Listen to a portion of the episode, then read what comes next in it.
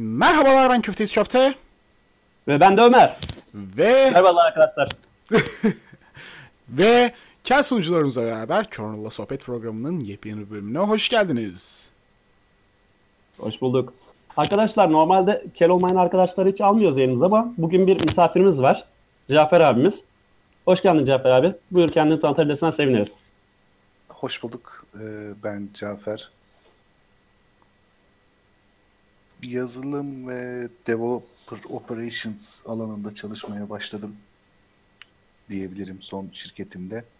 Ee, Size de Ömer'in ricası üzerine katıldım. Bir şeyler anlatmaya çalışacağım. Bakalım ne çıkacak. Evet. eee, burada hani yazılım kısmını diğer insanlar biliyordu. Yani yazılım dendiğinde ne yaptığını biliyordu da Developer Operations ya da DevOps ne? Buna bir yavaştan girelim bence. Ee, olur. Şöyle anlatayım. Eskiden e, şu şekilde çalışıyordu insanlar ve şirketler daha doğrusu şirketlerdeki ekiplerden bahsedeyim. Bir yazılım takımı olurdu. Bir de sistem takımı olurdu. Sistemciler sonuçların kurulumları, ayağa kaldırılması, donanım arızalarının giderilmesi, yeni donanımların temin edilmesi, kurulması gibi işlemlerle uğraşır. Yazılım tarafı ise yazılımın geliştirilmesi ve sistemcilere teslim edilmesiyle uğraşırdı. Burada ortaya çıkan çeşitli problemler vardı ki bunlardan en basiti de hani deneyimsiz yazılımcıların benim makinemde çalışıyor gibi bir lafları vardı. Bunu duymuşsunuzdur. Hani sistemciler ki senin yazdığın kod çalışmada diyor ki benim makinemde çalışıyor. Abi en güzel şeydir bu. Bahanedir. Başka şekilde nasıl kaçacağız? Yazılımcı olarak her zaman yapıyoruz bunu. İşte DevOps bunu birazcık daha azaltmaya, ya- yazılımcıyla sistemci arasındaki uzak mesafeleri daraltmaya yarayan bir terminoloji diyelim, bir e, pozisyon diyelim, hani çalışan pozisyonu diyelim. Böyle bir e, yapı getirmeye çalıştılar. Başarılı da oldu nispeten. E, biraz yazılımcı, biraz sistemci e, gibi takılan insanlara deniyor aslında diyebiliriz kabaca. Ya özetle or yani yazılımcıyla sistemcinin kayıp çocuğu. Diyelim. Ben her şeyi yaparım. Zaten zaten şöyle geçmişe de baktığımızda iyi sistemciler az biraz da olsa yazılım bilen insanlardan ortaya çıkardı. İyi yazılımcılar da az biraz da olsa sistem bilenlerden ortaya çıkardı. Ee, Bunu birazcık daha böyle resmileştirdiler diyelim. Hani bir adını koydular. Evet. Bu şekilde de DevOps'un ne olduğunu öğrenmiş olduk. Peki o kadar sunucu sunucu diyoruz. Sunucu dediğimiz kavram ne oluyor genel olarak? E, Sunucu dediğimiz aslında yani çok da atla deve bir şey değil. Bizim e, kullandığımız laptoplardan, e, kullandığımız masaüstü bilgisayarlardan, üzerinde oyun oynadığımız, film izlediğimiz bilgisayarlardan çok da farklı olmayan şeyler. E, temelde farklılıkları şunlar. Bunlar donanım olarak biraz e, farklılar çünkü 7-24 çalışmaya daha müsait makineler. Cafer abi arkadaşlar şeyi daha çok merak edeceklerdir. Sunucu kelime olarak, mana olarak ne manaya geliyor? Önce bunu anlatalım. Sunucu arkadaşlar herhangi bir yazılım veya herhangi bir işi belirli bir yazılımla istekte bulunan bir client dediğimiz istemci tarafına ileten programcıların genel ismine sunucu diyoruz. Ha, bunlar neler olabilir? Bunlardan biraz bahsedelim arkadaşlara. Net sunucuları vardır Mesela, mesela. YouTube'dan video izliyorsunuz. Ee, YouTube'un bir sürü sunucusu var. O videoyu size hazırlayan, web sayfası haline getirip size gösteren. E o zaman videoyu- web sayfasını sunan da bir tane sunucu var galiba. Tabii ki. Buna ne isim veriliyor genel olarak? Adıyla veriliyor. İşte web server, web server İngilizcesi, web sunucu Türkçesi. Birçok farklı hizmet, birçok farklı alanda hizmet veren farklı sunucular olabilir. Yani bir maillerinizi aldığınız e-posta sunucusu. Ondan sonra online film izlediğiniz streaming sunucuları. Hani YouTube biraz web sunucu, biraz streaming sunucu bu kavrama girebilir. Köftem sen bilirsin. oyun sunucuları vardı, vardı mesela oyun, oyna- oyun oynarken e, farklı farklı insanları birbirine bağlamaya yarayan ve oyun datalarını senkronize eden oyun sunucuları. Özellikle online oyun oynayan insanların ki benim kanalımdan gelen izleyici kitlesinin bayağı aşina olduğu bir kavram olması lazım. Ee, Ömer abi sen bir şey diyordun demin. Köktem sen hatırlarsın bir aralar esprisi vardı. Ee, sunucu olarak patates server dediğimiz sunucular vardı. Bunları bilen arkadaşlar falan vardır. Bundan biraz bahsedebilecek misin bize? Bana diyorsun değil mi? Evet evet. Evet, e, sunucu dediğimiz olayın genelde pek çok kişinin aklına geldiğinde bayağı güçlü donanımdır, şudur budur olmasıdır vesaire tarzı bir kavram geliyor da hani aslında hani işine göre o biraz değişiyor. Hani basit bir kişisel blok yayınlıyorsan sadece o sunucuda hani ben mesela şu an kendi kişisel blogumu 512 MB RAM'i olan bir sunucuda yayınlıyorum ve fazla bile. Arkadaşlar patatesten yapılmış, bildiğimiz patatesten gücünü alan bir sunucusu olan internette şeylerini görebilirsiniz. Örneklerini görebilirsiniz. Bu konu espri Ee, konusuydu. pata- patatesi de geçelim. Çaydanlık da var. Protokolümüz var evet. Çaydanlık protokolü. Teapot protokolü. Biraz bahsedebilecek misin? Teapot protokol değil o. Ha, pardon. Coffee pot coffee- protokol. Evet. Şey, e, kahve fincanı protokolü diye bir protokol söz konusu. İnterneti geliştiren adamlar biraz kafaları güzel insanlar oldukları için canları sıkılmış. Gitmişler kahve fincanına kahve yaptıracak protokol yapıyorlar. Sıkıntı bu protokolü eğer bir e, çaydanlığa sinyal yollandır, yollayacak şekilde ayarlarsan sana hata veriyor. Ben bir çaydanlığım diyor. Kahve şeyi değilim, makinesi değilim. Dö- 418 hatası. Hani bayağı bildiğiniz 404 hatasının bir gibi bir şey aslında o da. Ben burada araya girmek istiyorum. Ee, kabaca protokol nedir bahsetmek Aa çok güzel olur hocam. doğru Buyurun. olabilir mi? Çünkü e, hani protokol kelime anlamı olarak çok kişi ne olduğunu biliyordur ama bizim kullandığımız ya, ya da bilgisayar dünyasında kullandığımız terimiyle protokolün ne olduğunu açıklamak bence güzel Evet, olacak. bu çok güzel noktada. bir nokta oldu. Dinliyoruz abi.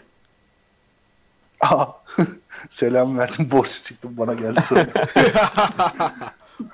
Sunucu konusunda en bildiğimiz sensin.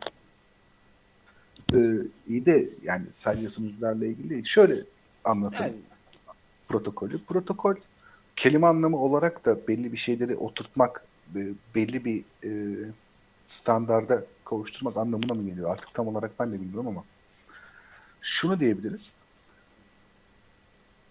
İki farklı yazılım, iki farklı donanım, iki farklı sunucu veya bir sunucu bir istemci arasındaki iletişimin nasıl şekilleneceğini belirleyen e, kurallar bütünü diyebilir miyiz protokol olarak? sanırım diyebiliriz. Veya şu şekilde ben özetleyeyim arkadaşlara. İki farklı kişinin bu resmi bir şey olsun, kişi olsun veya herhangi bir şey olsun hayatımızda konuşmaya bile başlayacağı zaman bir selamlaşma başlangıcımız vardır. Örneğin merhaba ile başlarız, şeyle başlarız. Bütün bu yazışma olsun, hepsinin belli bir protokol şeyi vardır, e, şablonu vardır. Buna genel olarak Mesela, protokol mesela, deniyor. mesela Skype'daki o şablon nedir? Alo sesim geliyor mu? Aynen. Gerçi artık Standart. Skype diye bir şey kaldı mı artık hayatımızda? Aa, Microsoft ele, olabildiğince zaten bizim dünyaya giriyor. Hazır bahsetmişken Aa, Microsoft'ta. evet. Çe- çevremde faz- çevremde fazlasıyla var ya Skype kullanan hala. Benim çevremde neredeyse hiç kalmadılar ya. En son eski iş yerimdeki patronum kullanıyordu. O yüzden bilgisayarımda Skype bulun- bulundurmak zorundaydım da artık kalmadı. Buyurun. Evet Microsoft konusuna girdik mi? Haberimizi araya sokuşturalım madem. Ona birazdan Ben- girsek sence Birazdan daha iyi olabilir. Tamam. Aynen. O bomba bir haber ama onun için biraz ön hazırlığımızı yapacağız bence. Sunucu konusuna geri Az dönersek sonra. az sonra. Sunucu konusuna geri dönersek hocam web sunucular dedik. E-posta sunucular dedik. Başka galiba database sunucularımız falan var. Başka bu sistemleri Database nedir? Database nedir? Database Evet. hızlıca anlatayım o zaman. Database'de e, daha önceden şekli belirlenmiş verilerin e, belirli bir standartta saklanması ve geri çağrıldığında hızlı bir şekilde elimize ulaşmasını sağlayan sunucu yazılımı diyebiliriz sanırım. Aynen. Peki. Bunun Ee, burada önemli bir şey sormam gerekiyor. Peki bilişim cami yani bilgisayar dünyasında neden böyle bir şeye ihtiyaç duyuldu? Hangi ihtiyaçtan ötürü çıktı bu? Açıkçası tarihçi olarak bir şey bilemeyeceğim ama sanırım şöyle bir şeyden ihtiyaç ihtiyaç olmuştur. Ee, biz verileri topluyoruz. Bunları belirli bir standartta da topluyoruz. Bunlara da bizim hızlı bir şekilde erişmemiz lazım demiştir birileri herhalde. Muhtemelen. Çünkü bugün kullanıldığı amaç bu. Arkadaşlar en önemlisi database'in asıl sebebi sorgu ön plana çıkmasıydı. Database sunucularının en önemli şeyi sorgu bazlı bulunabilmesi. Yani veri tutuyorsun belirli şeylerde, belirli kategorilerde, belirli amaçlarla belirli sonuçları direkten bu database'in içerisinde, bu data yığınının içerisinde çıkartabilmeni sağlıyor. Bunun için çeşitli kullanılan hatta programlama dili diyebileceğimiz şeyler var. SQL dediğimiz sorgu dili dediğimiz bir dili var. Ha, tabii yakın zamanda bunlar çok daha e, evrildi. Hani RDBMS dediğimiz Relational Database Management System yani verilerin birbiriyle olan ilişkisini tutan e, data modelleri çeşiti diyelim daha doğrusu RDBMS bir çeşitti. Bundan çıkıp büyük verilerin yani anladılar ki RDBMS denilen şey çok çok büyük verilerde işe yaramıyor o mantık. Yani verilerin ilişkisinin kurulması çok işe yaramıyor. Ne oldu? Big Data gibi bir şeyler çıktı. Bu arada Cafer abi hazır konu açılmışken bir şey Aa, sormak bu arada istiyorum benim- sana. De, devam et abi ben bir şey gireceğim araya.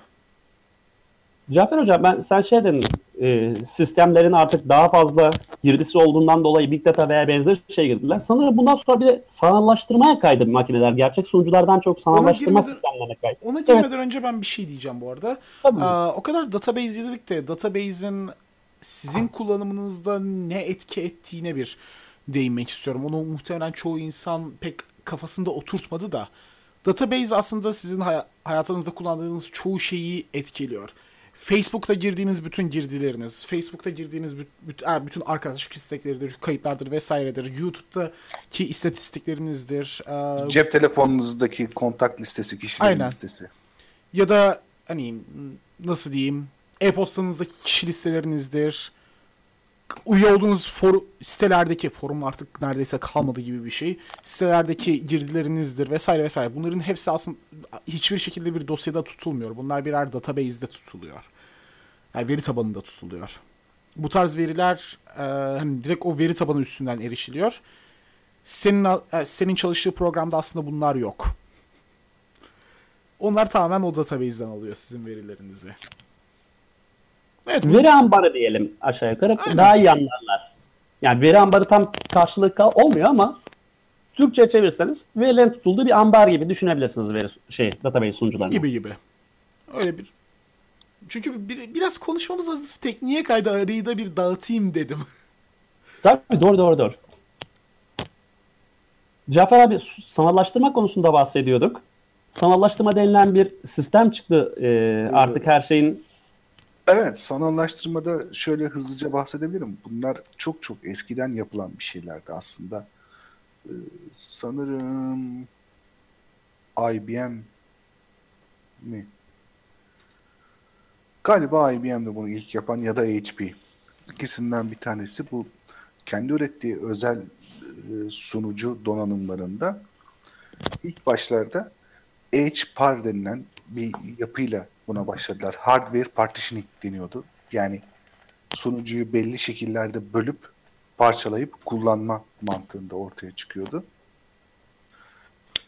Bu aslında çıkış yöntemi, çıkış e, mantığı şununla ilgili diyebiliriz biraz. E, hani ben bir tane büyük sunucu alayım, elektrik masrafım azalsın, e, yerine koyduğum e, odamda ya da benim sunucu odamda kabinimde harcadığı alan, kapladığı alan azalsın ve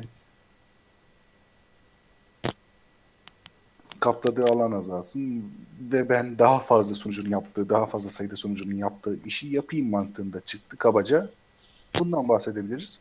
Ya biraz daha basite indirgememiz gerekirse sanallaştırma dediğimiz olay şu oluyor. Gerçek bir donanım içerisinde birkaç tane sanal donanım çalıştırıyorsun. Orada gerçek bir bilgisayarmış gibi çalışıyor. Asıl sistemin par- donanımının gücünü kullanıyor ancak onun bir kısmını kullanıyor. İş bölüyorsun öyle sanal. Aynen o şekilde de diyebiliriz. Yani sanallaştırmanın tam karşılığı bu olabilir. İşletim sistemi içerisinde başka bir işletim sistemi çalıştırmak ya da bir makinede e, farklı bir makinede farklı farklı işletim sistemlerini aynı anda farklı farklı şekillerde kullanmak gibi denilebilir. E, bunun en popüleri VMware'dir aslında. Sanallaştırma dünya üzerinde en büyük sıçramasını VMware ile yapmıştır. Hala da masaüstü olmasa bile en azından sunucu tarafında pazarı büyük oranda domine ediyor VMware. Ee, masaüstü tarafında Oracle'ın VirtualBox'u bayağı popüler konumda bu arada. Ee, evet o da ücretsiz olmasından kaynaklı diye düşünüyorum. Muhtemelen e, ücretsiz an, ücretsiz ve bayağı bir özellik sunuyor gene o yüzden. Ben de Evet evet yani fiyat performans olarak çok çok başarılı yani bir e, Parallels'den VMware'den çok e, aşağı kalır bir yanı yok aslında. gene ben de bayağı kullanıyorum pek çok işim için aslında. Aynen öyle. Sonrasında işler birazcık daha değişmeye başladığında e, bir noktadan sonra sanallaştırmanın da yeterli gelmediği anlaşıldı. Çünkü her ne kadar CPU'ların işlemci üreticilerinin bu sanallaştırmaya doğrudan destekleriyle hızlansa da sonuçta ortada bir donanım simülasyonu var. Bizim sanal olarak açtığımız e, sunucu veya hani sanal bilgisayar dediğimiz şeyin içerisinde aslında biz bir donanım belirliyoruz ve bu donanımın simülasyonu söz konusu. Haliyle ister istemez bir miktar yavaşlama ortaya çıkıyor. Yani dolayısıyla da o ekstra bir işlem gücü giriyor araya. Aynen öyle. Ee, sonra insanlar baktı hani ben sanallaştırmayı ne için kullanıyorum? Ben sanallaştırmayı şunun için kullanıyorum demeye başladı çoğu kişi. Özellikle sunucu dünyasında. Dediler ki ben sadece uygulamalarımı birbirinden izole etmek için kullanıyorum. Dolayısıyla Bu- ben Köf e, şey Cafer abi araya girelim. Bu e, izolasyondan kastımız ne tam olarak? Yani niye böyle bir Tam şeye onu ihtiyaç duyuyoruz? diyecektim. Çünkü dinleyen arkadaşlardan yazılımcı sektöründen uzak olanlar olabilir. Yani bu e, DLL HEL konusuna hiç girmeden genel olarak temel olarak bu olayın ne olduğu konusunda bilgi verebilirsek dinleyiciler Evet. kopmazlar. Evet şimdi yine Linux dünyasından örnekler vereyim. Ee, ben bir yazılım yaptım. Sen de bir yazılım yaptın. Biz bunları aynı sunucu üzerinde koşturmaya çalışıyoruz. Ee, diyelim ki ben Ubuntu kullanarak yaptım. Sen de başka bir dağıtım kullandın. Red Hat kullandın mesela.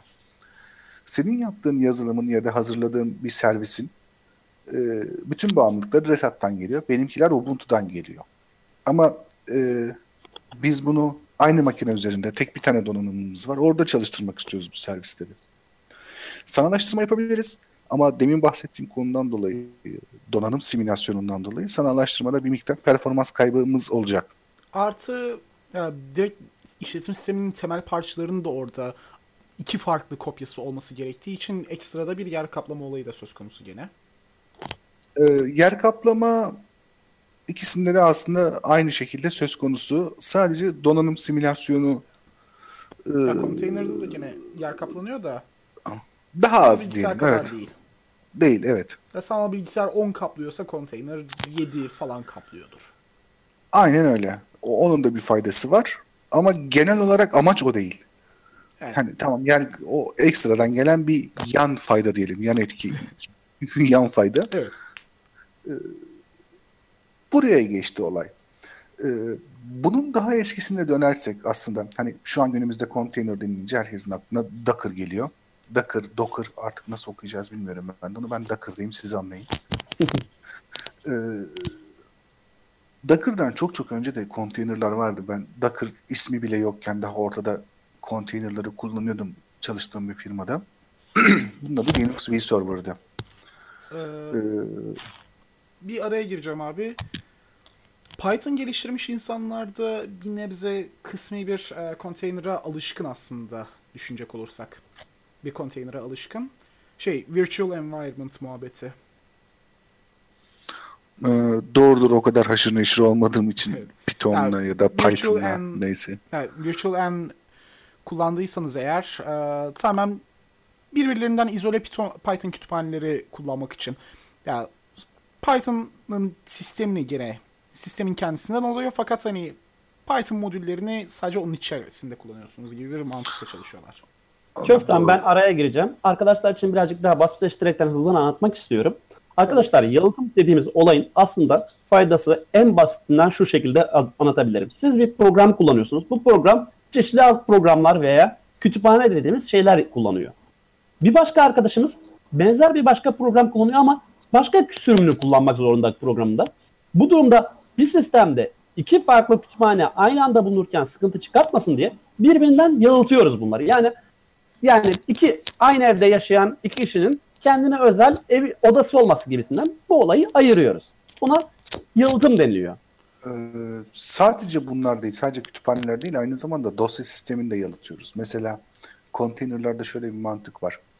Ee, bir tanesi A klasöründe, bir tanesi B klasöründe. Uygulamalar, oradaki kütüphaneler, orada çalışan servisler hiçbiri bir üst seviyeye çıkamıyor. Yani dosya sistemi olarak da bir klasöre hapsediyorsunuz o evet. çalışan her şeyi. Aynı aslında diyebiliriz ki yalıtım aslında çalışan program aslında sunucuda tek başına çalıştığını veya o makinede tek başına kendi başına olduğunu düşünüyor.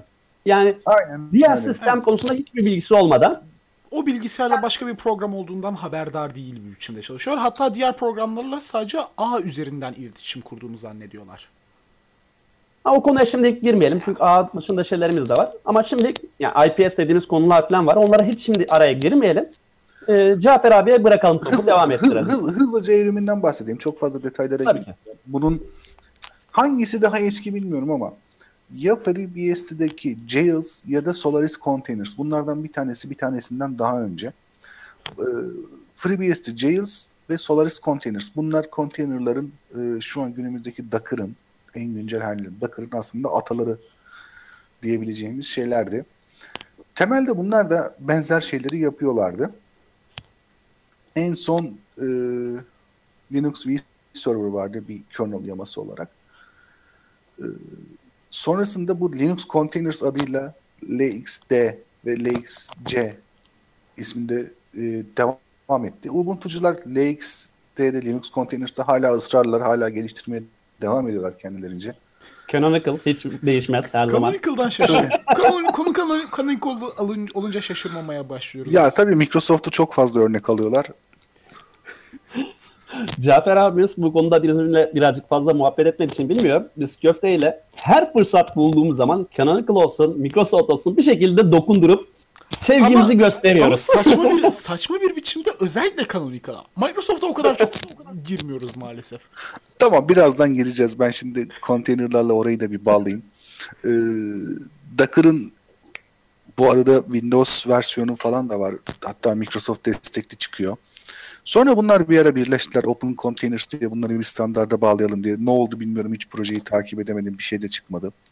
Hatta, e, Şaşırdık mı? Ciddi ciddi bir konsorsiyum birleşti vardı yani. E, içerisinde Microsoft, Amazon, Google gibi e, bayağı büyük firmaların hadi bu konteynerları bir standarda oturtalım deyip de sonra bir şey çıkartamadıkları ortaya şey vardı. O tarz Ama, projeler bayağı oluyor piyasada. Evet. Şaşırdık mı köften bu konuda? geçen yıl geçen yıl e, Microsoft e, bir şey çıkar duyurmuştu. E, MS SQL Server. Yani Microsoft'un aslında database server'ı.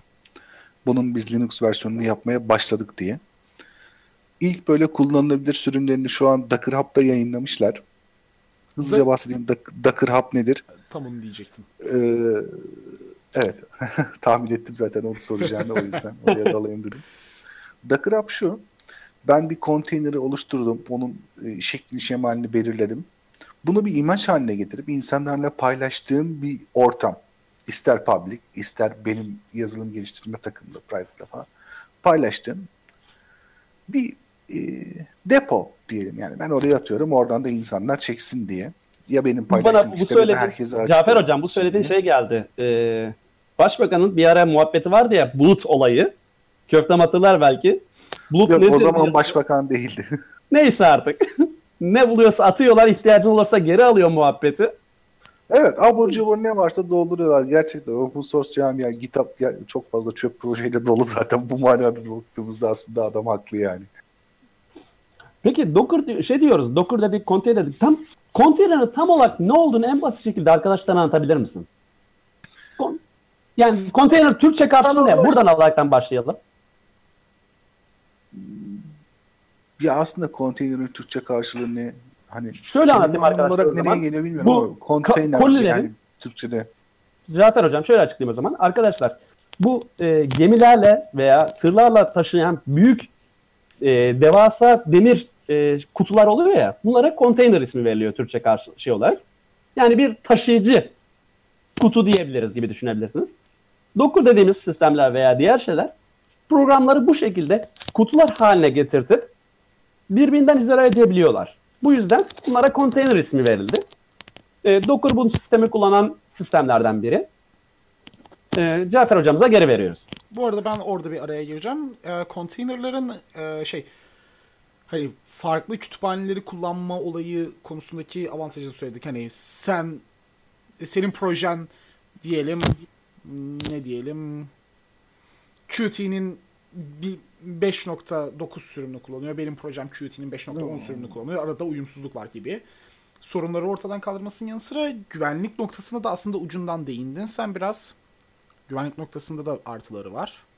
Burada bir araya girmek istiyorum. Tabii. Qt gibi bir şey dedik ama yani Ya onu e, aklıma gelen ilk örnek olduğu için dedim. Evet evet.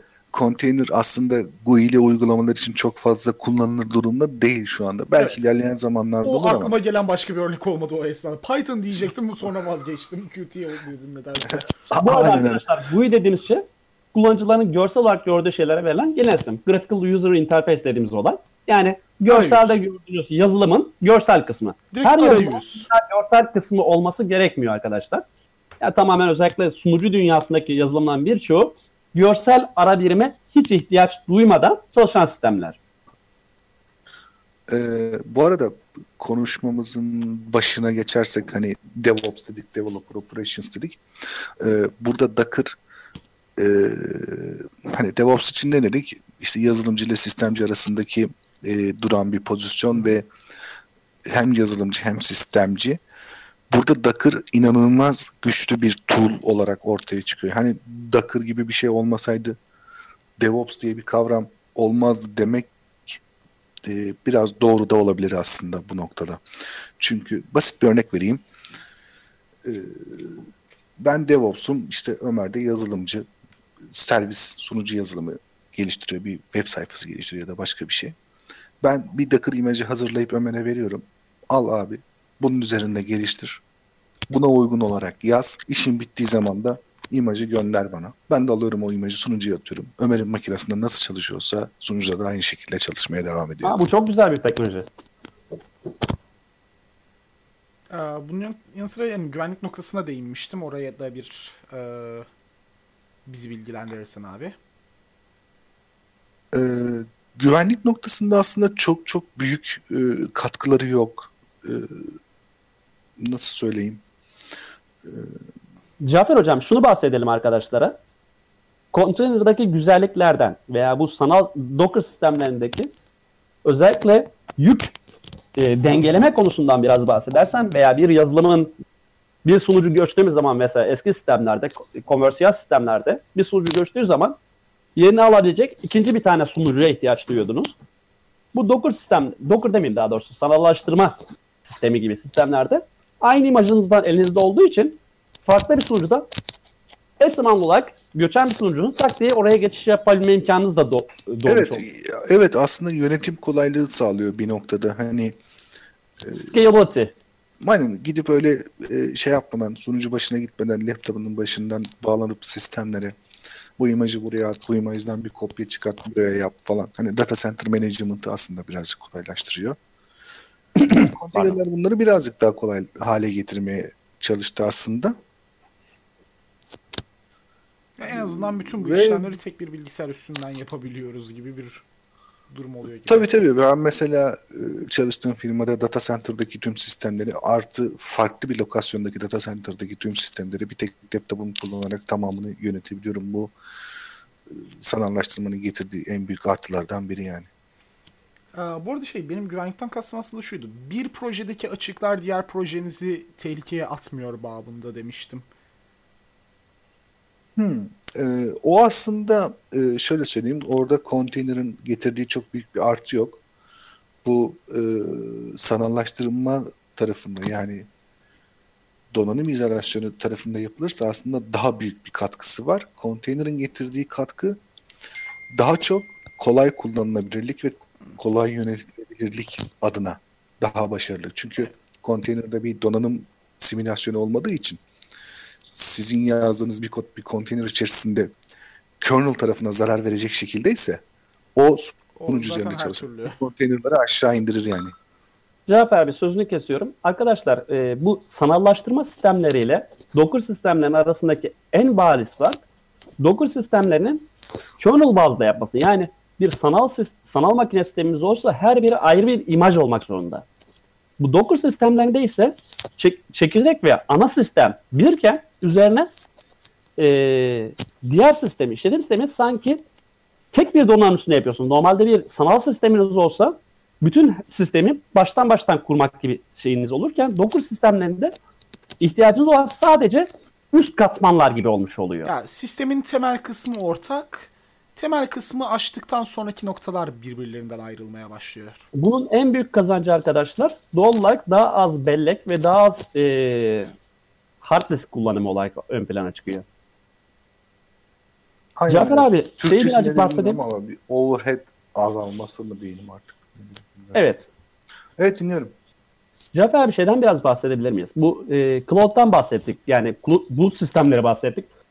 bulut sistem dediğimiz zaman aklımıza ilk gelen daha çok depolama sistemleri oluyor. Yani e, birçok arkadaşımız birçok e, bilgisayardan uzak bile olsa telefonumuzda kullandığımız Dropbox veya Google'ın kullandığı e, Google Drive gibi oluyor. Ama başka şeyler de olabildiğini biliyor. burada. Yani cloud dediğimiz zaman aklımıza gelen sadece bir veri ambarı veya verilerin bir yerde tutulması için kullanılan sistemler olmadığını hepimiz hepimiz değil de biz içerisinde olan arkadaşlarımız biliyor. Bilmeyen arkadaşlar için bu cloud sistemler başka ne amaçlarda kullanılabilir? Ee, en basiti şu amaçta kullanılabilir. Mesela böyle herkesin yatkın olduğu bir şeyden örnek vereyim. Ee, oyun sunucu servisleri var. Bunlardan e, bilgisi olan arkadaşlar vardır, olmayanlar vardır bilmiyorum ama mesela hani reklama giren bilmem ama PlayStation Now gibi bir servis var girmez. mesela. Girmez. Girmez ariyeten özellikle bu konuya girmek istiyordum. PlayStation Live'i biraz anlatabilir misiniz arkadaşlar? PlayStation Now. Now, I'm sorry. Evet. Özür dilerim. PlayStation Now şu benim çok e, böyle donanım desteği çok iyi olmayan bir makinem var diyelim. E, ve ben tutup orada Battlefield 1 oynamak istiyorum ama benim makinem onu güzel kaldırmıyor, çalışmıyor. Ama internet bağlantım çok iyi, yeterince hızlı. Türkiye'de çok mümkün değil. Türkiye'de mi? Ee, hangi Sadece- ülkede yaşıyorsun abi falan diye. Reklam yapalım. Ben Litvanya'da yaşadığım için herhangi bir şekilde sıkıntım yok yani bağlantı açısından. ben Bağcılar ülkesinde yaşıyorum. Ee, ben de Kartal. E, şimdi ne anlatıyordum ben ya? Oyun şeyini Kafam, anlatıyorum. ya beni manipüle ettin. Kusura Amacımız bakma. buydu. Yok estağfurullah. Hani ilk Neyse. yayında ben çok şeydim. Çok heyecanlıydım. Bu yayında da sen ol. Ben birazcık daha kendi üstümden başkasını atayım. Acısını ben, çıkartayım. ben heyecanlı değilim. Ya ben biraz daha farklı mevzular var. Neyse. Abi alışkın Evet. değil. Hani güçsüz bir donanıma sahip bir makinede oyun oynamak istiyorum. Ee, ama başkasının, başka bilgisayarların e, ekran kartını ve CPU'sunu internet üzerinden kullanabiliyorum anlık olarak. Dolayısıyla oyun o makinede çalışıyor. Görüntüsü benim makineme geliyor. Aslında bu da bir tür bulut bilişim e, sayılır. Ben o makinenin, kendimde olmayan makinenin ya daha doğrusu şöyle söyleyeyim. Storage da aynı şekilde. Hani depolama olarak da düşünürsek bende olmayan bir depolamayı başka birinden kiralıyorum. Bende olmayan bir CPU'yu başka birinden kiralıyorum. Bende olmayan bir ekran kartını başka birinden kiralıyorum. Bulut aslında böyle kabaca düşünebiliriz yani. Ha, bu arada Ama- bul- bulut konusunda mesela kullandığımız bir şey daha bizim bu programı yaparken kullandığımız çok önemli bir şey bir bulut teknolojisi üstünden çalışıyor. Direkt hani metin do- editörü olarak bir bulut kullanıyoruz mesela biz şu an. Bir bulut teknolojisi. Google Drive'ın kendi dosya editörü. Şey, e, metin editörü var. Onu kullanıyoruz. Ya Google'da çok ayıp etti ya. Bunun çıkarttığı yıllardır üstüne çivi mi çakmadı. Hiç güncellemiyor yani. Arkadaşlar Google'un en güzel tarafı bir ürün çıkartır, tutmazsa çöpe atar. Bir sürü bu şekilde çöpe giden şey var. Wave'i hatırlayanınız var mıdır? Veya ne bileyim e, neydi? Bing miydi? Birkaç tane daha böyle garip projesi vardı. Hepsi çöpe gitti. Evet, Buzz Ama- vardı. Kul- ha, evet, Wave bazı- vardı. Onları daha sonra Wave. şey e, Google Plus'a çevirdi. Google Plus'ı da unuttuk. Yok yok. E, gerçekten tam manasıyla çöp olan teknolojiler var. Wave denilen bir tane ya, kendi söylemleriyle e-mail version 2 diye dedikleri bir sistem vardı. Attığınız mailleri sonradan düzenleyebildiğiniz. Evet evet teknoloji olarak çok iyiydi. Ee, ama e, konsepte aykırı geldi sanırım. Ya da insanlar alışamadı, beğenmedi. Bilmiyorum. Ha, Ap- kaynak olarak Apache'ye bağışlamıştı onun en son. Ne oldu bilmiyorum. Çöp Ama- oldu gitti. Apache geliştiriciler unutmuştur onu. Ee, bu arada Bu arada Apache, Apa- Apache demişken open source dünyaya kattığı inanılmaz güzel şeyleri vardır Apache'nin. Onu da anmadan etmeyelim. Şüphesiz. Yani Apache gerçekten çok çok başarılı bir grup. Ah bir de güzel doküman yazabilseler şu kütüphanede. ilk bölümde değindiğimiz önemli bir konuydu bu. Güzel, Dokümantasyon çok büyük eksiğimiz var. Evet aynen öyle. ya özellikle Arkadaşlar bu şeyi Apache bahsedeceğim zaman pardon e, Cafer abi araya girdim. Bu şey konusunda birazcık daha açıklık verelim arkadaşlara. O e, PSN Now konusu da. Olayı en basit şekilde anlatacaksak siz oyununuzu oynarken mesela Mario oynadığınızı düşünün en basitinde. Bir video seyrettiğinizi düşünün YouTube'da. Videoyu sizin klavyeden bastığınız tuşları alıp o ana makinede işliyor. Sizin yaptığınız e, bastığınız tuşlara bağlı olarak size video gösteriyor. Aslında siz bir interaktif video seyrediyorsunuz. Bu sayede bilgisayarınız çöp bile olsa en, en yeni oyunları oynayabiliyorsunuz. Ama doğal olarak bu Türkiye'de e, hizmet bile açılmış değil. Çünkü internet bağlantısı acıcık Ee, patates. patates. Arkadaşlar şunu da bahsetmem gerekiyor. İndirme hızı değil buradaki en büyük sıkıntımız. Bunda latency dediğimiz gecikme olayının daha doğrusu ping dediğimiz bir Ee, paketin karşı tarafa gidip yanıt olarak geri dönmesi süresinin kısa olması gerekiyor. Buradaki Türkiye'de her ne kadar band genişliği kötü olmasa da tamam internet çöp Türkiye'de ama band genişliği o kadar kötü değil. Türkiye'deki en büyük sıkıntı bizim TTNet veya yurt dışı çıkışında kullandığımız sunucu yerlerindeki e, firewall'lar olsun veya bu e, router'lar olsun eski teknolojiden e, oluştuğu için çok gecikme var. O yüzden bu türden saniye olarak siz bir e, örneğin Mario örneğini verdik. Mario oynarken bir saniye geç bassanız aşağı düşeceğiniz yerler mevcut. Bunun gibi şeyler yüzünden oyun teknolojisi Türkiye'de henüz daha bir 5 sene daha geleceğine inanmıyorum ben. Ö- Ömer hocam sadece o değil. Ee, çok büyük oranda etkili dediklerin ama e, asıl büyük etkili upload hızlarında. Ben evime 100 megabit internet alıyorum. Bana veriyorlar upload 2 megabit, 5 megabit. Yani bu gerçekten çok işler acısı bir durum. Ee, Ya. insanlar aynı fiyata simetrik hatlar falan almaya başladı artık. Yani upload hızlarının yükselmesi, bulut bilişimin gerçekten çok büyük önünü açacak. Ya bahsettiğimiz upload hızları Bakkal Mahmut amcanın işini görür fakat az buçuk e, işi internet üzerinden olan bir insan için bu gerçekten kısıtlayıcı bir etken. Hani diyelim mesela bir medya üreticisisin. Pro, e, vid- kısa bir video yapacaksın. 50 megabayt falan tutuyor. Bitiyor. Onu upload etme, ederken kendine çay koyabiliyorsun falan. E, kargo ver daha ucuz, daha kısa sürede ulaştırırsınız Türkiye'de. Değil mi? Yani aynen öyle. Sormuşlar bir ara. Hangisi daha hızlı 10 GB veriyi yollarsınız diye. Kargo tabii USB ki. atıp da kargolatsanız çok daha hızlı şekilde ulaştırırsınız. O bir gerçek. Aynı arada şehirdeysen arkadaşlar kargo. download- Aynen.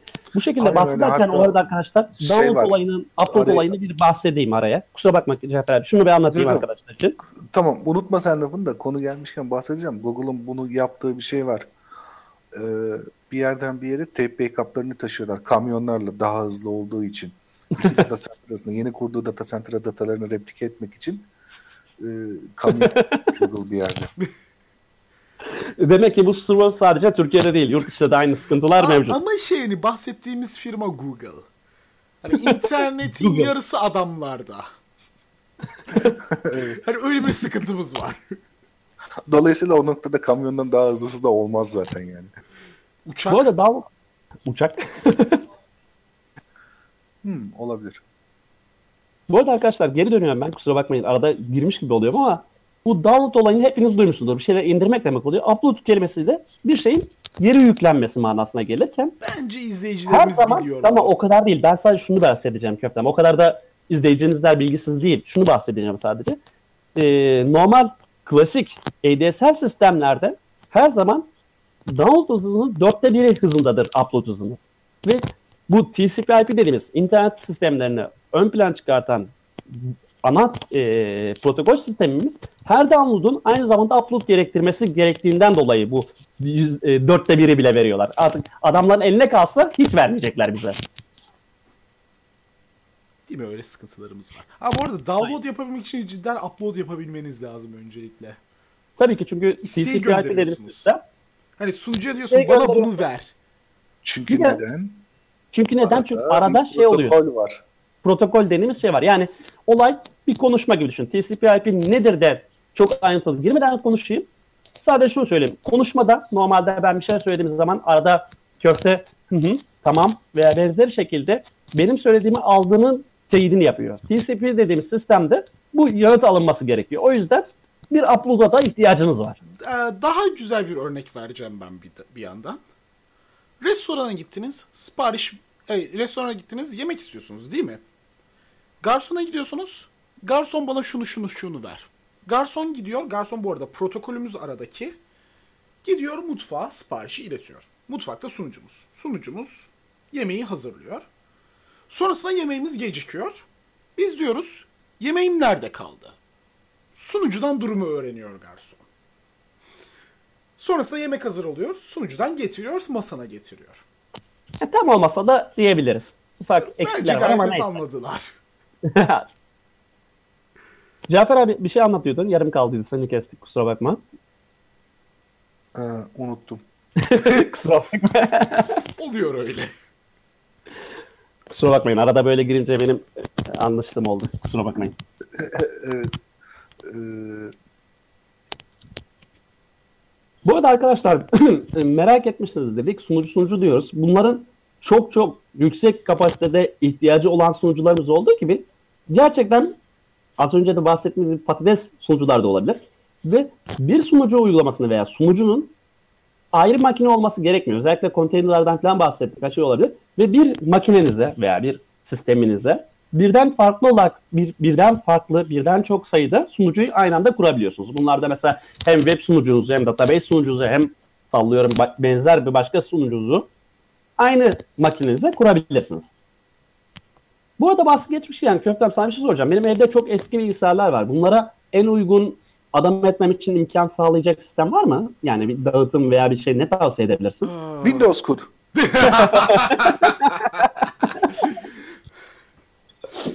ya geçenlerde Windows diye bir dağıtım buldum. Çok başarılı ya. Hadi ya. Aa. Değil mi? Microsoft diye bir firma yapıyordu. Bir süredir özgür yazılıma düşmanlardı da son zamanlarda her şeyi özgür yazılım yapmaya başladılar. Ne diyorsunuz buna? Ee, her şey her şey değil ya. Kritik şeylerini open source yapmadılar da. Ee, Bence onları artık kullanmayacaklar. Ondan olabilir mi? Tabii bu işin geyiği de. Ee, aslında şöyle hani artık kullanmayacakları demeyelim de bir O tanesini mesela zaten. güzel yaptı da. Hmm. Bir saniye aklıma gelecek düşünüyorum kusura bakmayın. Neyse aklıma gelince araya girerim. Siz devam edin bence. Ya bu arada Microsoft demişken demin biraz üstünden çok hızlı geçtik de MS SQL'in yani Microsoft'un kendi SQL'inin Linux'a Linux'a aktarılması. Hani bundan çok hızlı geçtik demin. Bir tekrar değinmek istedim buna. Evet aslında şöyle e, Linux'un sunucu dünyasındaki e, pazar payı gerçekten çok yüksek. Hiç azımsanacak kadar gibi değil. Yani bu da Microsoft da sunucu dünyasında var. E, dolayısıyla bu ikisi aslında bir, hani Microsoft da şey demeye çalışıyor artık biz onlara artık düşman değiliz bak biz onları görüyoruz aha bunları bunları da yapıyoruz gibi bir sempatiklikle yaklaşmaya çalışıyor. Hani oradan da biraz ekmek çıkar mı acaba diye bakıyor sanırım. Benim görüşüm bu biraz yani sonuçta e, illaki ticari yani. Yani şey yaklaşım. biraz eee şöyle bir durum var hani kendilerini izole ettikçe aslında hani yapabilecekleri teknolojileri de kısıtlıyorlar bir yandan.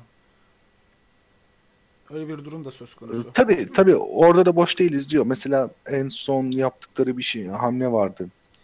OpenSSH'e e, bağış yaptılar. Çünkü Windows üzerinde de OpenSSH server'ı kullanmayı düşünüyorlar. OpenSSH'te kısaca bahsedersek şu. e, Linux'un bu kara ekranı vardır ya herkes bilir ve en çok Linux'un korkutan kısmı olur hani Linux Linux ve Unix Linux sadece ekran- komutla mı kullanılıyor? Evet evet kara ekran. Hayır kara ekran. Onun adı kara ekran. Abi en azından bizim mavi ekranımız yok öyle diyorsun da. O kara ekranlara uzaktan uzaktaki makinelerin kara ekranına bağlanmak için kullanılan Secure Shell denilen bir şey. Shell'e daha sonraki programlarda bence girebiliriz. Orada e, güzel muhabbetler çıkabilir ama Aslında ben bir yandan kabaca bu. ben bir yandan SSH hakkında da bir eğitim videosu yapmayı planlıyorum bir ara. Ha, süper. Çünkü Moş'u da, Moş'u da dahil edecek misiniz? Neyi? emin değilim. Moş. Olabilir. Olabilir. Bu şeyi geri dönelim ben e, kusura bakmayın arada geri zıplamış gibi olacağım ama bu gelen sorulardan biriydi. Benim eski bilgisayarıma en uygun dağıtım ne olabilir gibisinden sormuşlardı. Bunu e, köfteye atayım ben bu soruyu. Şey sıkıntı benim çok başarılı olduğum bir nokta değil. Uzun zamandır ben düşük yani düşük özellikli bir makine kullanmıyorum. Veya şöyle genel olarak bahsedelim. Hangi hangi dağıtım demeyeyim de hangi grafik ara birimi en az e, bellek ve iste, e, veri kullanımına sahiptir diyelim. Hiçbiri. Yanılıyor, yanılıyor olabilirim ama XFCE galiba bu konuda biraz daha başarılı diyorlar. Aslında günümüzde Doğru. o günümüzde Mate sanırım ondan biraz daha hafif. Yok ama bahsettiğim bilgisayarlar gerçekten çöp eski bilgisayarlar. Şey, Arkadaşlar böyle elinizde çöp eski bilgisayar varsa bunları kullanabileceğiniz bir sürü farklı yöntem var. Bunların başında dediğimiz gibi böyle web sunucu olarak kullanabiliriz gibi. Daha sonra bu konuda bir e, köfte aslında bir tane video ayarlayalım bu konuda. Eski Zaten- bilgisayarlarla neler yapılabilir. Zaten onu planlıyorum ben hani eski bilgisayarla yapabileceğim. Hatta video serisi. Birkaç Olabilir. o tarz bilgisayarlarla birkaç farklı proje yaparız. Tabii önce Tamam, o tarz birkaç tane bilgisayarlar örnek bulmamız lazım. sadece. Benim elimde O tarz bilgisayarları bulmamız lazım da benim aklıma gelen başka bir şey var aslında. Onu yapabilir miyiz bilmiyorum da. Ee, geçenlerde arkadaşlarla da paylaşmıştım. Burada da paylaşayım.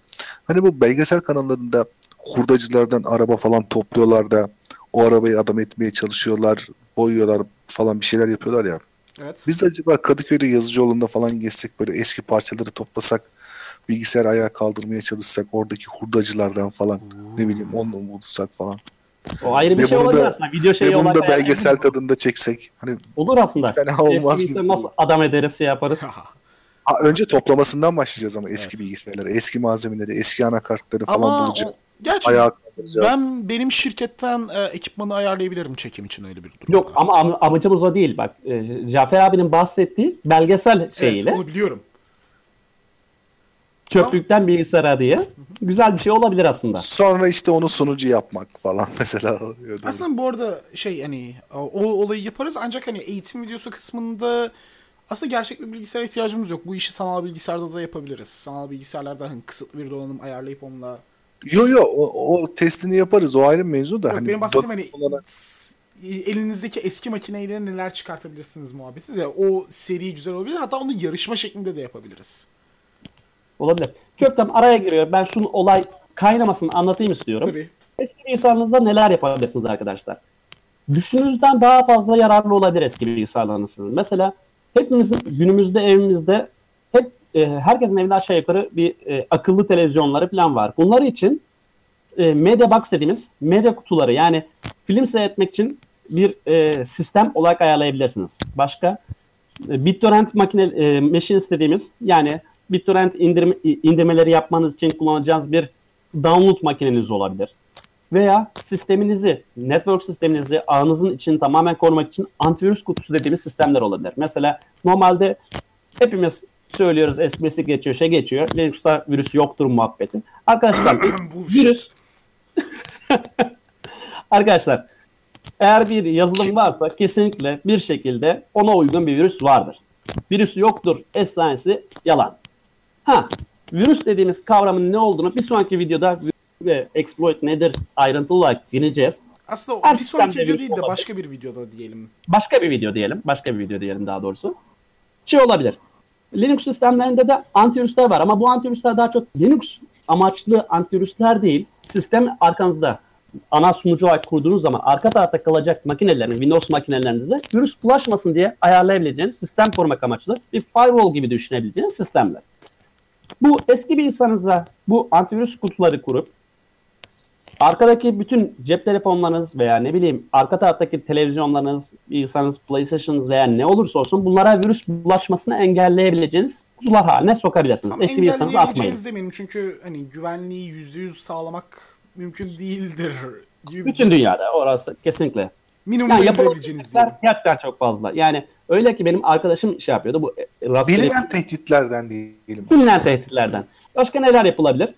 Hepimiz şeyi seviyoruz. Nostalji seviyoruzdur. Eski e, Nintendo ROM'ları olsun veya benzer şeyler oynayacak e, arcade machine'ler bile yapabilirsiniz ufak kutulardan.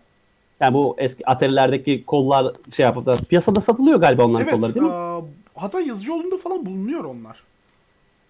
Yani yapabileceğiniz sınır yok. Gerçekten eski bilgisayarınızı israf etmeyin. Bir şekilde kullandırabiliriz. Aa, şey mesela benim eski çalıştığım yerlerden bir tanesinde yaptığımız bir şey vardı. Aa, bir tane parçalanmış bir laptop vardı. Şey ekran ekran ve klavyesi parçalanmıştı da anakartı hala sapa sağlamdı. Çok güçlü bir laptop değil gene. Onu şey aa, ofis içi birkaç tane sunucu vardı orada. Onların gen- genel bir şey e, durum gözlemcisine çevirmiştik. Durum gözlemcisi ve acil müdahale cihazına çevirdik. Duvara monte ettik cihazı bu arada sadece ve bir tane flat LCD panelimiz vardı şey. Kasası olmayan sadece panel şeklinde. Ona bağladık. İkisini de duvara yapıştırdık. Bir tane de yanında klavye yapıştırdık. Duvara. O şekilde çalışıyor. Acil durum oldu şey yani genel durumu görüyoruz. Öyle bir e, script hazırladık ona. Acil bir şey olduğunda ekran kıpkırmızıya dönüyor falan. Müdahale ediyorduk. Öyle bir eğlenceli şeyler de yapmıştık. Ama işe de yarıyordu. Köftem hazır bu bize eski daha doğrusu yorumlardan gelen şeylere geri dönmüşken bahsederken şeyi bahsedelim. Ee, Bedir hocamızın bir tane şeyi vardı e, takıldı. Bütün dağıtımlardan bahsetmişsiniz dedi. Suse'den hiç e, bahsi geçmemiş. Biraz alındım dedi. Buradan da hatırlatalım. Suse ismi çok güzel. evlat. Suse'yi de severiz. Ya, Güzel bir dağıtımdır. o- e, lafın gelişi espri olarak söyledim. Çünkü ben hayatımda hiç Suse kullanmadım cidden. Kullanmak istedim hep ancak hiç kullanmaya fırsat... Bilmiyorum neden kullanmadım. Ama hani Suse'de özgür yazılım camiasına bayağı katkı sağlamış bir proje aslında. Sanırsam bu arada Mono projesi onun bünyesinde çıkmıştı ya da onun bünyesinde gelişti en azından bir kısmı. Microsoft teknolojileri konusunda hiçbir şey Tam bilmediğim için yorum orada, yapmıyorum. orada, orada anlatabilirim şöyle. E, Mono projesi aslında çok çok önceden şeyde başlamıştı. Bu Miguel de Icaza denilen amcanın e, çıkarttığı bir projeydi ve o Zamanin firmasıydı galiba o zamanlar için. Cafer abi kesiyorum ama bu Mono projesi diyorsun. Mono projesi ne? Bu arkadaşlar bir bahsedelim önce de ondan sonra girelim. Olur. Ee, Micro- Microsoft'un çıkarttığı .NET e, framework'ün e, open source ve pek çok platformda Mac'te, Linux'ta, Windows'ta, FreeBSD'de falan çalışır hale getirilmesi projesiydi Mono projesi. Bu arada framework'ü bir açayım. Ha, açalım. diyorum. Açmayalım hiç o kadar ayrıntısına girmeyelim. Sadece şunu söyleyeyim. Java'nın bir çakması diyebiliriz o zaman .NET projesi için bir nevi. .NET projesi demeyelim. .NET'in mono, mono projesi .NET'in e, open source hali diyelim. Yok yok onu biliyorum şeyi dedim. Yani .NET niye oluşturuldu, niye çıktı dersek Java gibi O- çok platformdan başka bir şekilde Ya çalışabilmesi- Microsoft'un yazılım geliştirme platformu diyelim. en kısa şekilde bu şekilde anlatırız. Devam edelim Cafer abi. Mono projesi Xamarin'deydi. Xamarin'i Novel satın aldı. SUSE'yi de Novel satın aldı. O yüzden Mono'nun ilk versiyonları ilk demoları falan hep SUSE üzerinde çıkmıştı. O biraz daha ticari aslında. Yoksa SUSE'ye özel bir durum değil orada söz konusu olan. Ya. şeylere yorumlara geri dönelim. Ee, bir başka gelen yorumlardan şey vardı arkadaşlar. Ee, Burak arkadaş bahsetmiş özellikle bizde. Biz şey dedik. Linux dağıtımları hep ufakta oluyor. Hani 50 MB'lık mini dağıtımlar bile mevcut. Köfte olmadığını söylese de mevcut. 3 Ba- ben megabaytlık da var. ol- olmadığını söylemedim ki ben. Hatta 3 megabaytlık dağıtım bile var. Evet Doğru. evet Alpine var mesela. Alpine mi Alpine mi nasıl Alpine, evet. artık? Orada Neyse çok bundan yanlış... bahsettik. Ben yanlış anlamışım o zaman kusura bakma köftem. Ee, Burak da dedi ki siz bundan bahsediyorsunuz ama 8 DVD'lik Linux dağıtımları da mevcut diye. Hangisiymiş o ya? Debian galiba. 8 DVD'lik e, Debian. Zannetmiyorum Debian. Debian'ın da 8 Var mı? DVD'lik versiyonları var. Ee, şey, o, o tarz dağıtımlar ya direkt source code şeklinde oluyor ya da yazılım kütüphanesinin bir adet e, mirror'ını barındırıyorlar komple. Şeyi barındırıyorlar SUSE. Yani bütün kütüp şeyin e, repolarının, bütün depolarının kopyasını DVD olarak veriyorlar. Aynı zamanda şey içeriyor. Yazılımların source code paketleri de içeriyor. Kimsenin de kurduğunu sanmıyorum ben. O biraz şey Ha, bu arada inter- hazır Debian'dan andık. Arkadaşlar Debian'ın 9.2 sürümü de yayınlandı. Bir haber olarak aradan geçelim. Bu arada o çok o şey hani depoların kopyası olan da şekilde dağıtımlar şöyle bir sebepten kullanılıyordu aslında zamanında. İnternet o kadar ya- bu kadar bugünkü kadar yaygın değildi bir zamanlar. Hani pek çok yerde Yaygın mı şimdi? Hızlı mı? Değil. hızlı değil ama yaygın. Her yerde internet var. Ama hani şey bundan 10 yıl öncesinde e, hani birinin evine gittiğinizde muhtemelen orada internet yoktu. Senin benim evimde vardı ancak hani köşedeki Mahmut amcanın evinde yoktu mesela. Bu arada Mahmut adını da tanıdığım insan bile yok. Benim var. Cafer abi sen örnek vereceklerini düşüneceğim dedin. O aklına geldi mi o? Hangi konuydu o? Oo. Hani konuyu o bile kadar unuttuk. gittik. Konudan çok... Ah. ya sizin yanınıza bir daha hazırlıksız gelmeyeceğim. Ya. Neyse e, videonun başlarındaki halin... Rezil, rezil oldum, rezil oldum. Bu arada abi Estağfurullah. başlardaki halinle sonlardaki halin arasında fark var onu da söyleyebilirim şu an. Ben ilgilenmiyorum onlarla.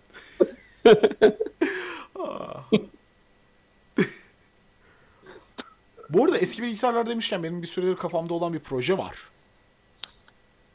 Ne gibi? Kendime Bilmiyorum. bir adet e, ev içi medya sunucusu yapmak Raspberry Pi'la.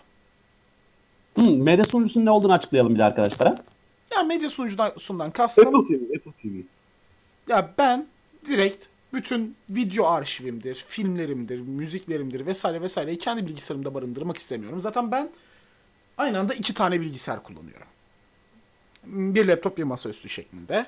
Bunun yanı sıra ben televizyona da da onlara anında erişmek istiyorum. Gidip laptopumu oraya takmak istemiyorum mesela.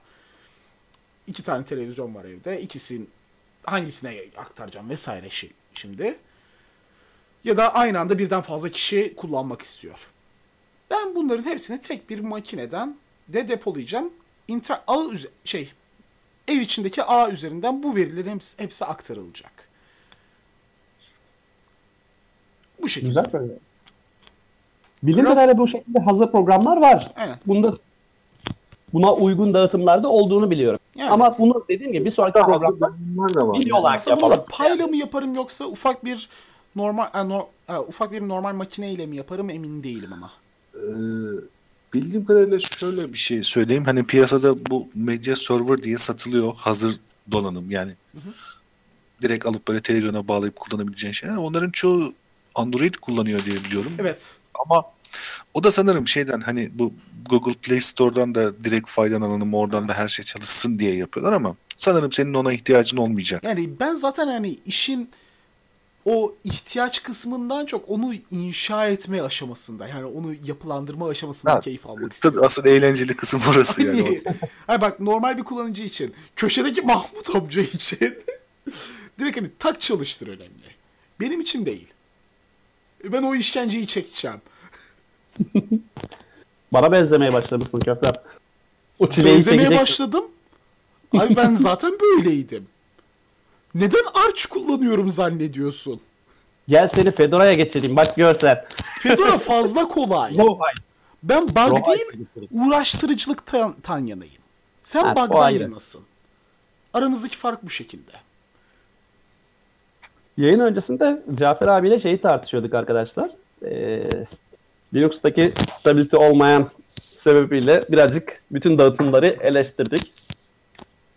Onu da arada kendi aramızdaki muhabbette geçtiğini belirtelim. Ya ben aslında şöyle bir teklifte bulunabilirim. Benim de elimde bir e, makine var ve ben de bu masaüstü makinemde Linux kullanmak istiyorum. Onda oyun oynamak istiyorum ama bu sorunlarımı gidermemde yardımcı olur musunuz?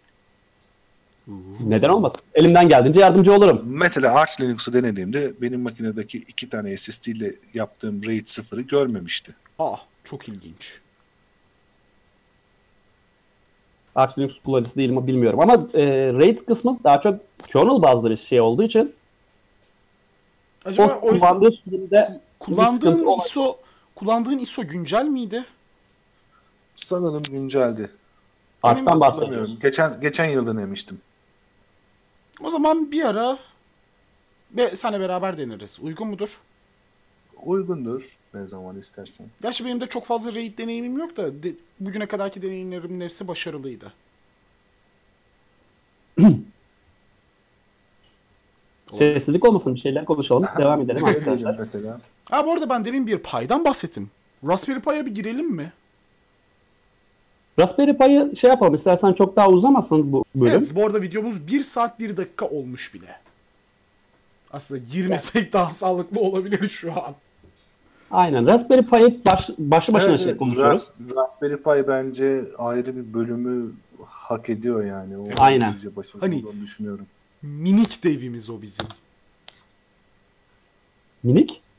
Ee, Minik de aynı zamanda e, pek çok konuya da öncülük etti. Hatta onlardan da bahsederiz detaylı Ve olarak ilginç yani. bir biçimde Linux'un yaygınlaşmasına da çok fazla öncülük etti. Düşününce. Aynen öyle. Mesela e, bazı şeyler rakiplerini güçlendirir diye bir mevzu var. Bilmiyorum duydunuz mu? Hani e, akıllı saati ilk çıkartan Apple değil. Ama oradan örnek verirler hep genelde de. Akıllı saati işte başka firmalar çıkartıyor. Samsung geliştiriyor. Ama Apple piyasaya akıllı saat çıkarttığı zaman dünya üzerindeki akıllı saat satışları bir anda artmaya başlıyor. Ee, Raspberry Pi'nin de öyle bir öncülüğü var aslında piyasada. O konudaki en bahtsız bank, e, markayı söyleyelim, firmayı söyleyelim. Microsoft o konudaki en bahtsız firmadır arkadaşlar. Hangi projeyi çıkartırsa gerçekten ilk çıkartırlar ama kesinlikle kendileri tutturamazlar. Arkasından gelen bir firma çok çok daha iyi şekilde piyasaya çıkartır. Mesela tablet dediğimiz olayın piyasaya ilk çıkması e, Microsoft Windows- tarafından oluyor. Windows Evet, XP evet, evet. döneminde tabletler vardı cidden. Tabii tabii tablet fikrini Bill Gates ortaya attı ama kaymağını Apple yedi. Ee, asıl şu haber çok komik. Ben geçenlerde sanırım bir yıl önce mi ya da Nokia daha Mic- Microsoft'un elindeyken bir haber çıktı. İşte Nokia Band diye bir proje varmış. Proje iptal olmuş. Ben o zaman haberim oldu. Microsoft'un Nokia adıyla akıllı saat çıkarttığını. Ben şey- yeni öğreniyorum Yani- desem ne dersin? Aynen ilk defa duyuyorum desem. Vallahi normaldir yani. Microsoft Marketing... Arkadaşlara tartışırız. Arkadaşlara tartışırız. No- Nokia band iptal. O ne falan diyor böyle. Tamam. Bir Nokia'nın akıllı sadece var mıymış diyor yani. o moda giriyor Ee, insanlar. hakikaten. buradan Microsoft'a bir teklif sunuyoruz. Bütün e, marketing departmanınızı lütfen kovun. Çok Aynen. kötüler. Veya daha fazla proje çıkartsınlar. Bu sayede diğer rakipleri piyasaya daha güzel ürünler çıkartabilirler. o, o, o kadar da şey yapmayalım ya Microsoft'u. Gerçekten içerisinde e, çok çok kaliteli developerları falan barındırıyor. Evet, Ama zaten bu- developerlarına laf söylemiyoruz. Biz marketing takımına laf söylüyoruz. Eskiden developerları da kötüydü de. Biz güncel Microsoft'tan bahsediyoruz. Ama ama onunla ilgili çok güzel teorilerim var. Hani e, yaklaşık olarak 97'den beri kod yazdığım için e, Ben daha hani yeni open source proje open source projelerle e, kapalı kaynak kodlu projeler arasındaki e, kod kalitesinin neden ortaya çık kod kalitesi farkının neden ortaya çıktığını falan anlatırız bir bölümde. Open source'a daha fazla değindiğimiz zamanlarda. Hatta Cafer abi bir sonraki programı şey ayarlayalım. Bu GitHub veya nedir bu geliştirme sistemlerinin evrimi konusunda GitHub'ın evrimi Tabii konusunda tabii. Tabii onlara onlara vakit ayıracağız. Ee, Cafer Bence abinin bir güzel de olur. Tabii bir sonraki bölüme- bir sonraki programa beni misafir ederseniz bilmiyorum. Bilmiyorum tepkiler kötü gelirse almayız. Olur. Yani yok yok her zaman Yes. yeni. hani Microsoft niye kodlarını açmıyor, niye kodlarını açmıyor diye herkes yakınır dururdu ya. Rezil olmamak için. Tabii rezil olmamak için yani. O kadar kötü yazmışlardır ki. İnsan artık öyle düşünmeye başlıyor. Hani öyle olmasa bile. Bu arada bu bu noktada bu noktada nedense Python'ı takdir edesim geliyor. Adamlar dili düzgün sinteks yazmak üstüne kuruyor. E, bu yüzden Evet, ama- rezil olup bir daha ikinci kez yeniden sintakse geçiyorlar? Evet. Yapma Allah aşkına köftem ya. Ve bu yüzden hala yavaş çalışıyor. Ama güzel. Ya, arada e, Python'ın çözdüğü gerçekten güzel problemler var. E, hani her yazılım aslında bir sorunun e, çözümü için çıkmıştır ortaya. E, hem open source dünyada hem de diğer dünyada bu böyledir. Bir sorun vardır ortada. O so- sorunu çözmek için çıkar. Eğer o sorunu güzel çözüyorsa da e, gerçekten popülerleşir ve e, iyi bir yere de gelir. Python güzel bir iki sorunu çözdü. Bunlara değiniriz daha sonra. Ama beraberine getirdiği başka sorunlar da vardı. O yüzden de bence e, olması gereken yerde olamadı diye düşünüyorum. Olabilir. Ne olarak hepsi bir evrimli şey süreciyle ilerliyor.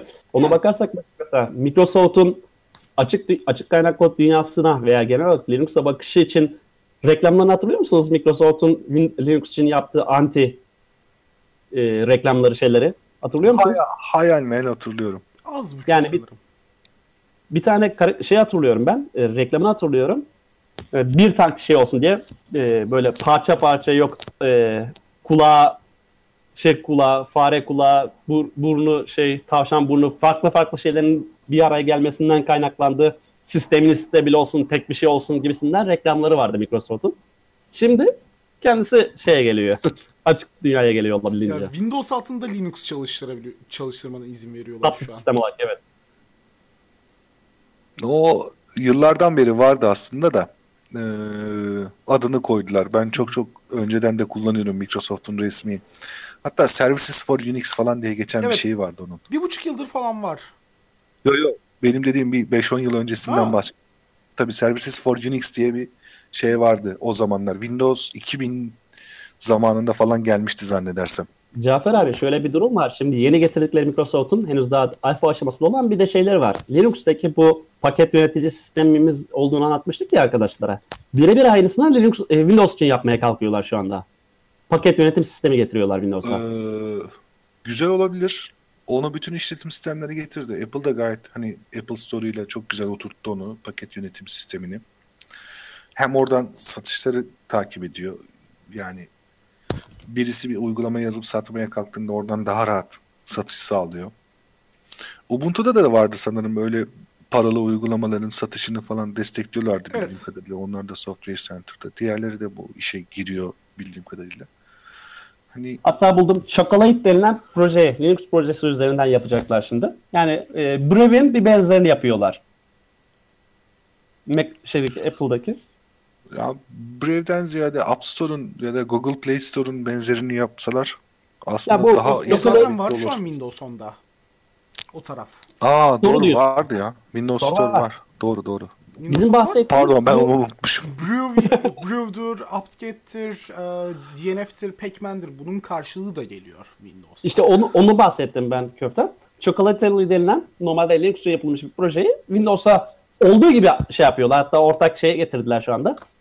Ee, shell olarak shell sistem bu kara ekran dediğimiz ekranda gerçekten başarılı bir yazılımı geliştiriyorlar şu Yani anda biraz şey diye. Ee, son kullanıcı için Power- de biraz daha PowerShell power diye. için. Aynen PowerShell zaten ismi de PowerShell olarak geçer. Onun içerisinde standart paket yönetim sistemi olarak da bu e, Chocolatey denilen zımbırtıyı getirecekler. Microsoft'un kendi düşünceleri arasında. Güzel olacak bakalım. Yakında Windows'ta da mavi ekrandan kurtuluruz. Bizim zaten bir e, geyiğimiz var senle. Windows yakında System D'ye geçtiğini açıklayacak falan diye. Sistemde geçti. Ya- Sistemde Microsoft aldığını açıklarız biz ona. İçerisine aldığını. o da olabilir. O- Ama o- Windows o- değil, o Microsoft'u. Ya lütfen o kadar gömmeyin ya. Yani gerçekten e, özellikle Windows 10'la biraz biraz adam olmaya başladılar. Hani Cafer abi kimin kadar tarafındasın? Açıkla. Microsoft'tan para mı aldın ben yoksa? ben ben ben şöyle ciddi konuşayım burada. E, bu zamana kadarki tecrübem şunu gösterdi bana.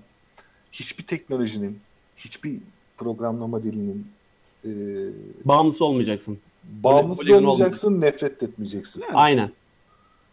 Kesinlikle katılıyorum. İşin esprisi bizimkiler. Ama haklı olduğumuz espriler. Yani Fanatiğiyle insan olmayacaksın, e, nefret etmeyeceksin ama dediğin gibi hani Microsoft'un geçmişten gelen silemeyeceği bir leke var ya da uzun süre silemeyeceği bir lekesi var. Onu Yani eski Mesela- CEO'sunun mesela- Linux için kanser dediği gerçeği de falan da var. hani insanlar değişir, firmalar değişir. Bir şekilde Ya, ama hani bu Ama katkılarını silmek kabul etmek zorundayım. Bakın Microsoft dediğim gibi hem ilk videomuzda da belirttim. Dokümantasyon konusunda piyasadaki en sağlam firmalardan biridir. Yaptıkları bütün ürünlerin dokümantasyonu konusunda en hakkını veren firmalardan biridir. Linux'a bulaştırabilirse bu kanserini, kanser diyeyim onların tabiriyle, çok memnun oluruz. Yani düşün Linux'ta bir projenin adam akıllı bir şey olduğunu, dokümantasyonu olduğunu. Var. Ne kadar güzel olur değil mi? Var. Arch Linux. Bana Arch Linux'un community kısmından bahsetme. Ben demek istediğim ya Ömer bu dediğin hiçbir zaman olmayacak aslında ya. dur hayal kuruyoruz burada abi dur ya. Ee, şimdi Linux üzerinden para kazanmayı bıraktığı anda o bir ticari kurum olduğu için E tabii ki. e, çok zor ya. Yani hani birileri para versin diye doküman yazarsa yazar. Onun dışında e, o adamlar ticari düşünmek zorunda yani. Yıl sonunda ciroyu düşünmek zorundalar. Hedefleri tutturmak zorundalar. E, Canonical da ticari düşünüyor ama batmak için elinden geleni yapıyor. Canonical'ın kararlarını cidden sorguluyoruz bazen. Ama bir yandan da eğlendiriyor. Aynen. Son zamanlarda güzel kararlar verdiler. Arada bir iki geri adım da attılar gerçi de. Neyse. Mesela Mesela Mir'i niye geri getirirsin? Ya bakmayın aslında Canonical'da e, zamanında Ubuntu 5.0.4 müydü ilk versiyonu? Sanırım. Orada aslında GNOME'un gelişmesine çok büyük katkıları var adamların. Ya inanılmaz yani bu e, başka hiçbir firma bu kadar büyük katkı sağlamış mıdır? Cafer abi zaten bizim Belki olay, Novell sağlamıştır. bizim takıldığımız olay zaten Genoma veya bir projeye katkı vermesi değil. Katkı verirken kalkıp da onun hiç kimsenin kullanmayacağı bir şeye fork edip projeyi tamamen batırmaya yönelmesi. Yani evet, Genoma çok güzel katkı veriyorsun. Kalkıp da Unity'yi çıkartıyorsun. Zengin egosu diyelim mi buna? evet olabilir. Hani Çok iyiydi. Ama Canonical'ın takdir ettiğim başka bir noktası da var. Adamlar sunucu camiasında da bayağı da güzel şeyler sağladı. Ee, güzelliği bu. kesinlikle Sunucu Amazon Web Services'te Ubuntu gerçekten orayı domine eden bir dağıtım. Yani Amazon bir açıklama yapmıştık sanırım. Ee, sayıları paylaşmıştır rakamları. %70 kadar Ubuntu kullanılıyor Amazon Web Evet. Services'te. Şöyle diyeyim ben kendim her ne kadar masa üstünde Ubuntu'yu sevmesem de hatta Debian türevi hiçbir dağıtımı sevmesem de ben sunucumda gayet paşalar gibi Ubuntu kullanıyorum. Memnunum Şimdi da. Canonical'ın yaptığı olayı şunu ben takdir ediyorum. Yeni teknolojilere geçişte korkak davranmıyor. O açıdan çok güzel. Yani bazen eskiyi sünger çekmek gerekiyor. Yani yeni teknolojiye geçmek için. Bu konuda çok başarılı olduğunu düşünüyorum. Benim şahsi görüşüm bu yalnız. Ya makuldür. Ve gene bir sessizlik oldu. Aynen. Bugünlük bu kadar yarıda keselim galiba. Evet, yarıda sanırım konularımız burada bitti. Olur. Ee, bence Şey yalnız biz bu e, Cafer abinin sohbetini çok sevdik. Bir daha misafir edebilirsek çok seviniriz. Ee, kısmet diyelim. İnşallah olur. Merak etmeyin yorumları o kadar dinlemeyeceğiz bu noktada. Elbet bir gün gelecek de hani tweak yani sıkıntı olmadıysa tweak olur, olmadıysa aynen devam ederiz. Ancak Ha, bu arada arkadaşlar, dinleyen arkadaşlar için ufak bir şey yapayım. Yorumları alabilmemiz için biz e, bu yayının altında şey olarak ekleyeceğiz. E, Google Form'dan bir form oluşturacağız.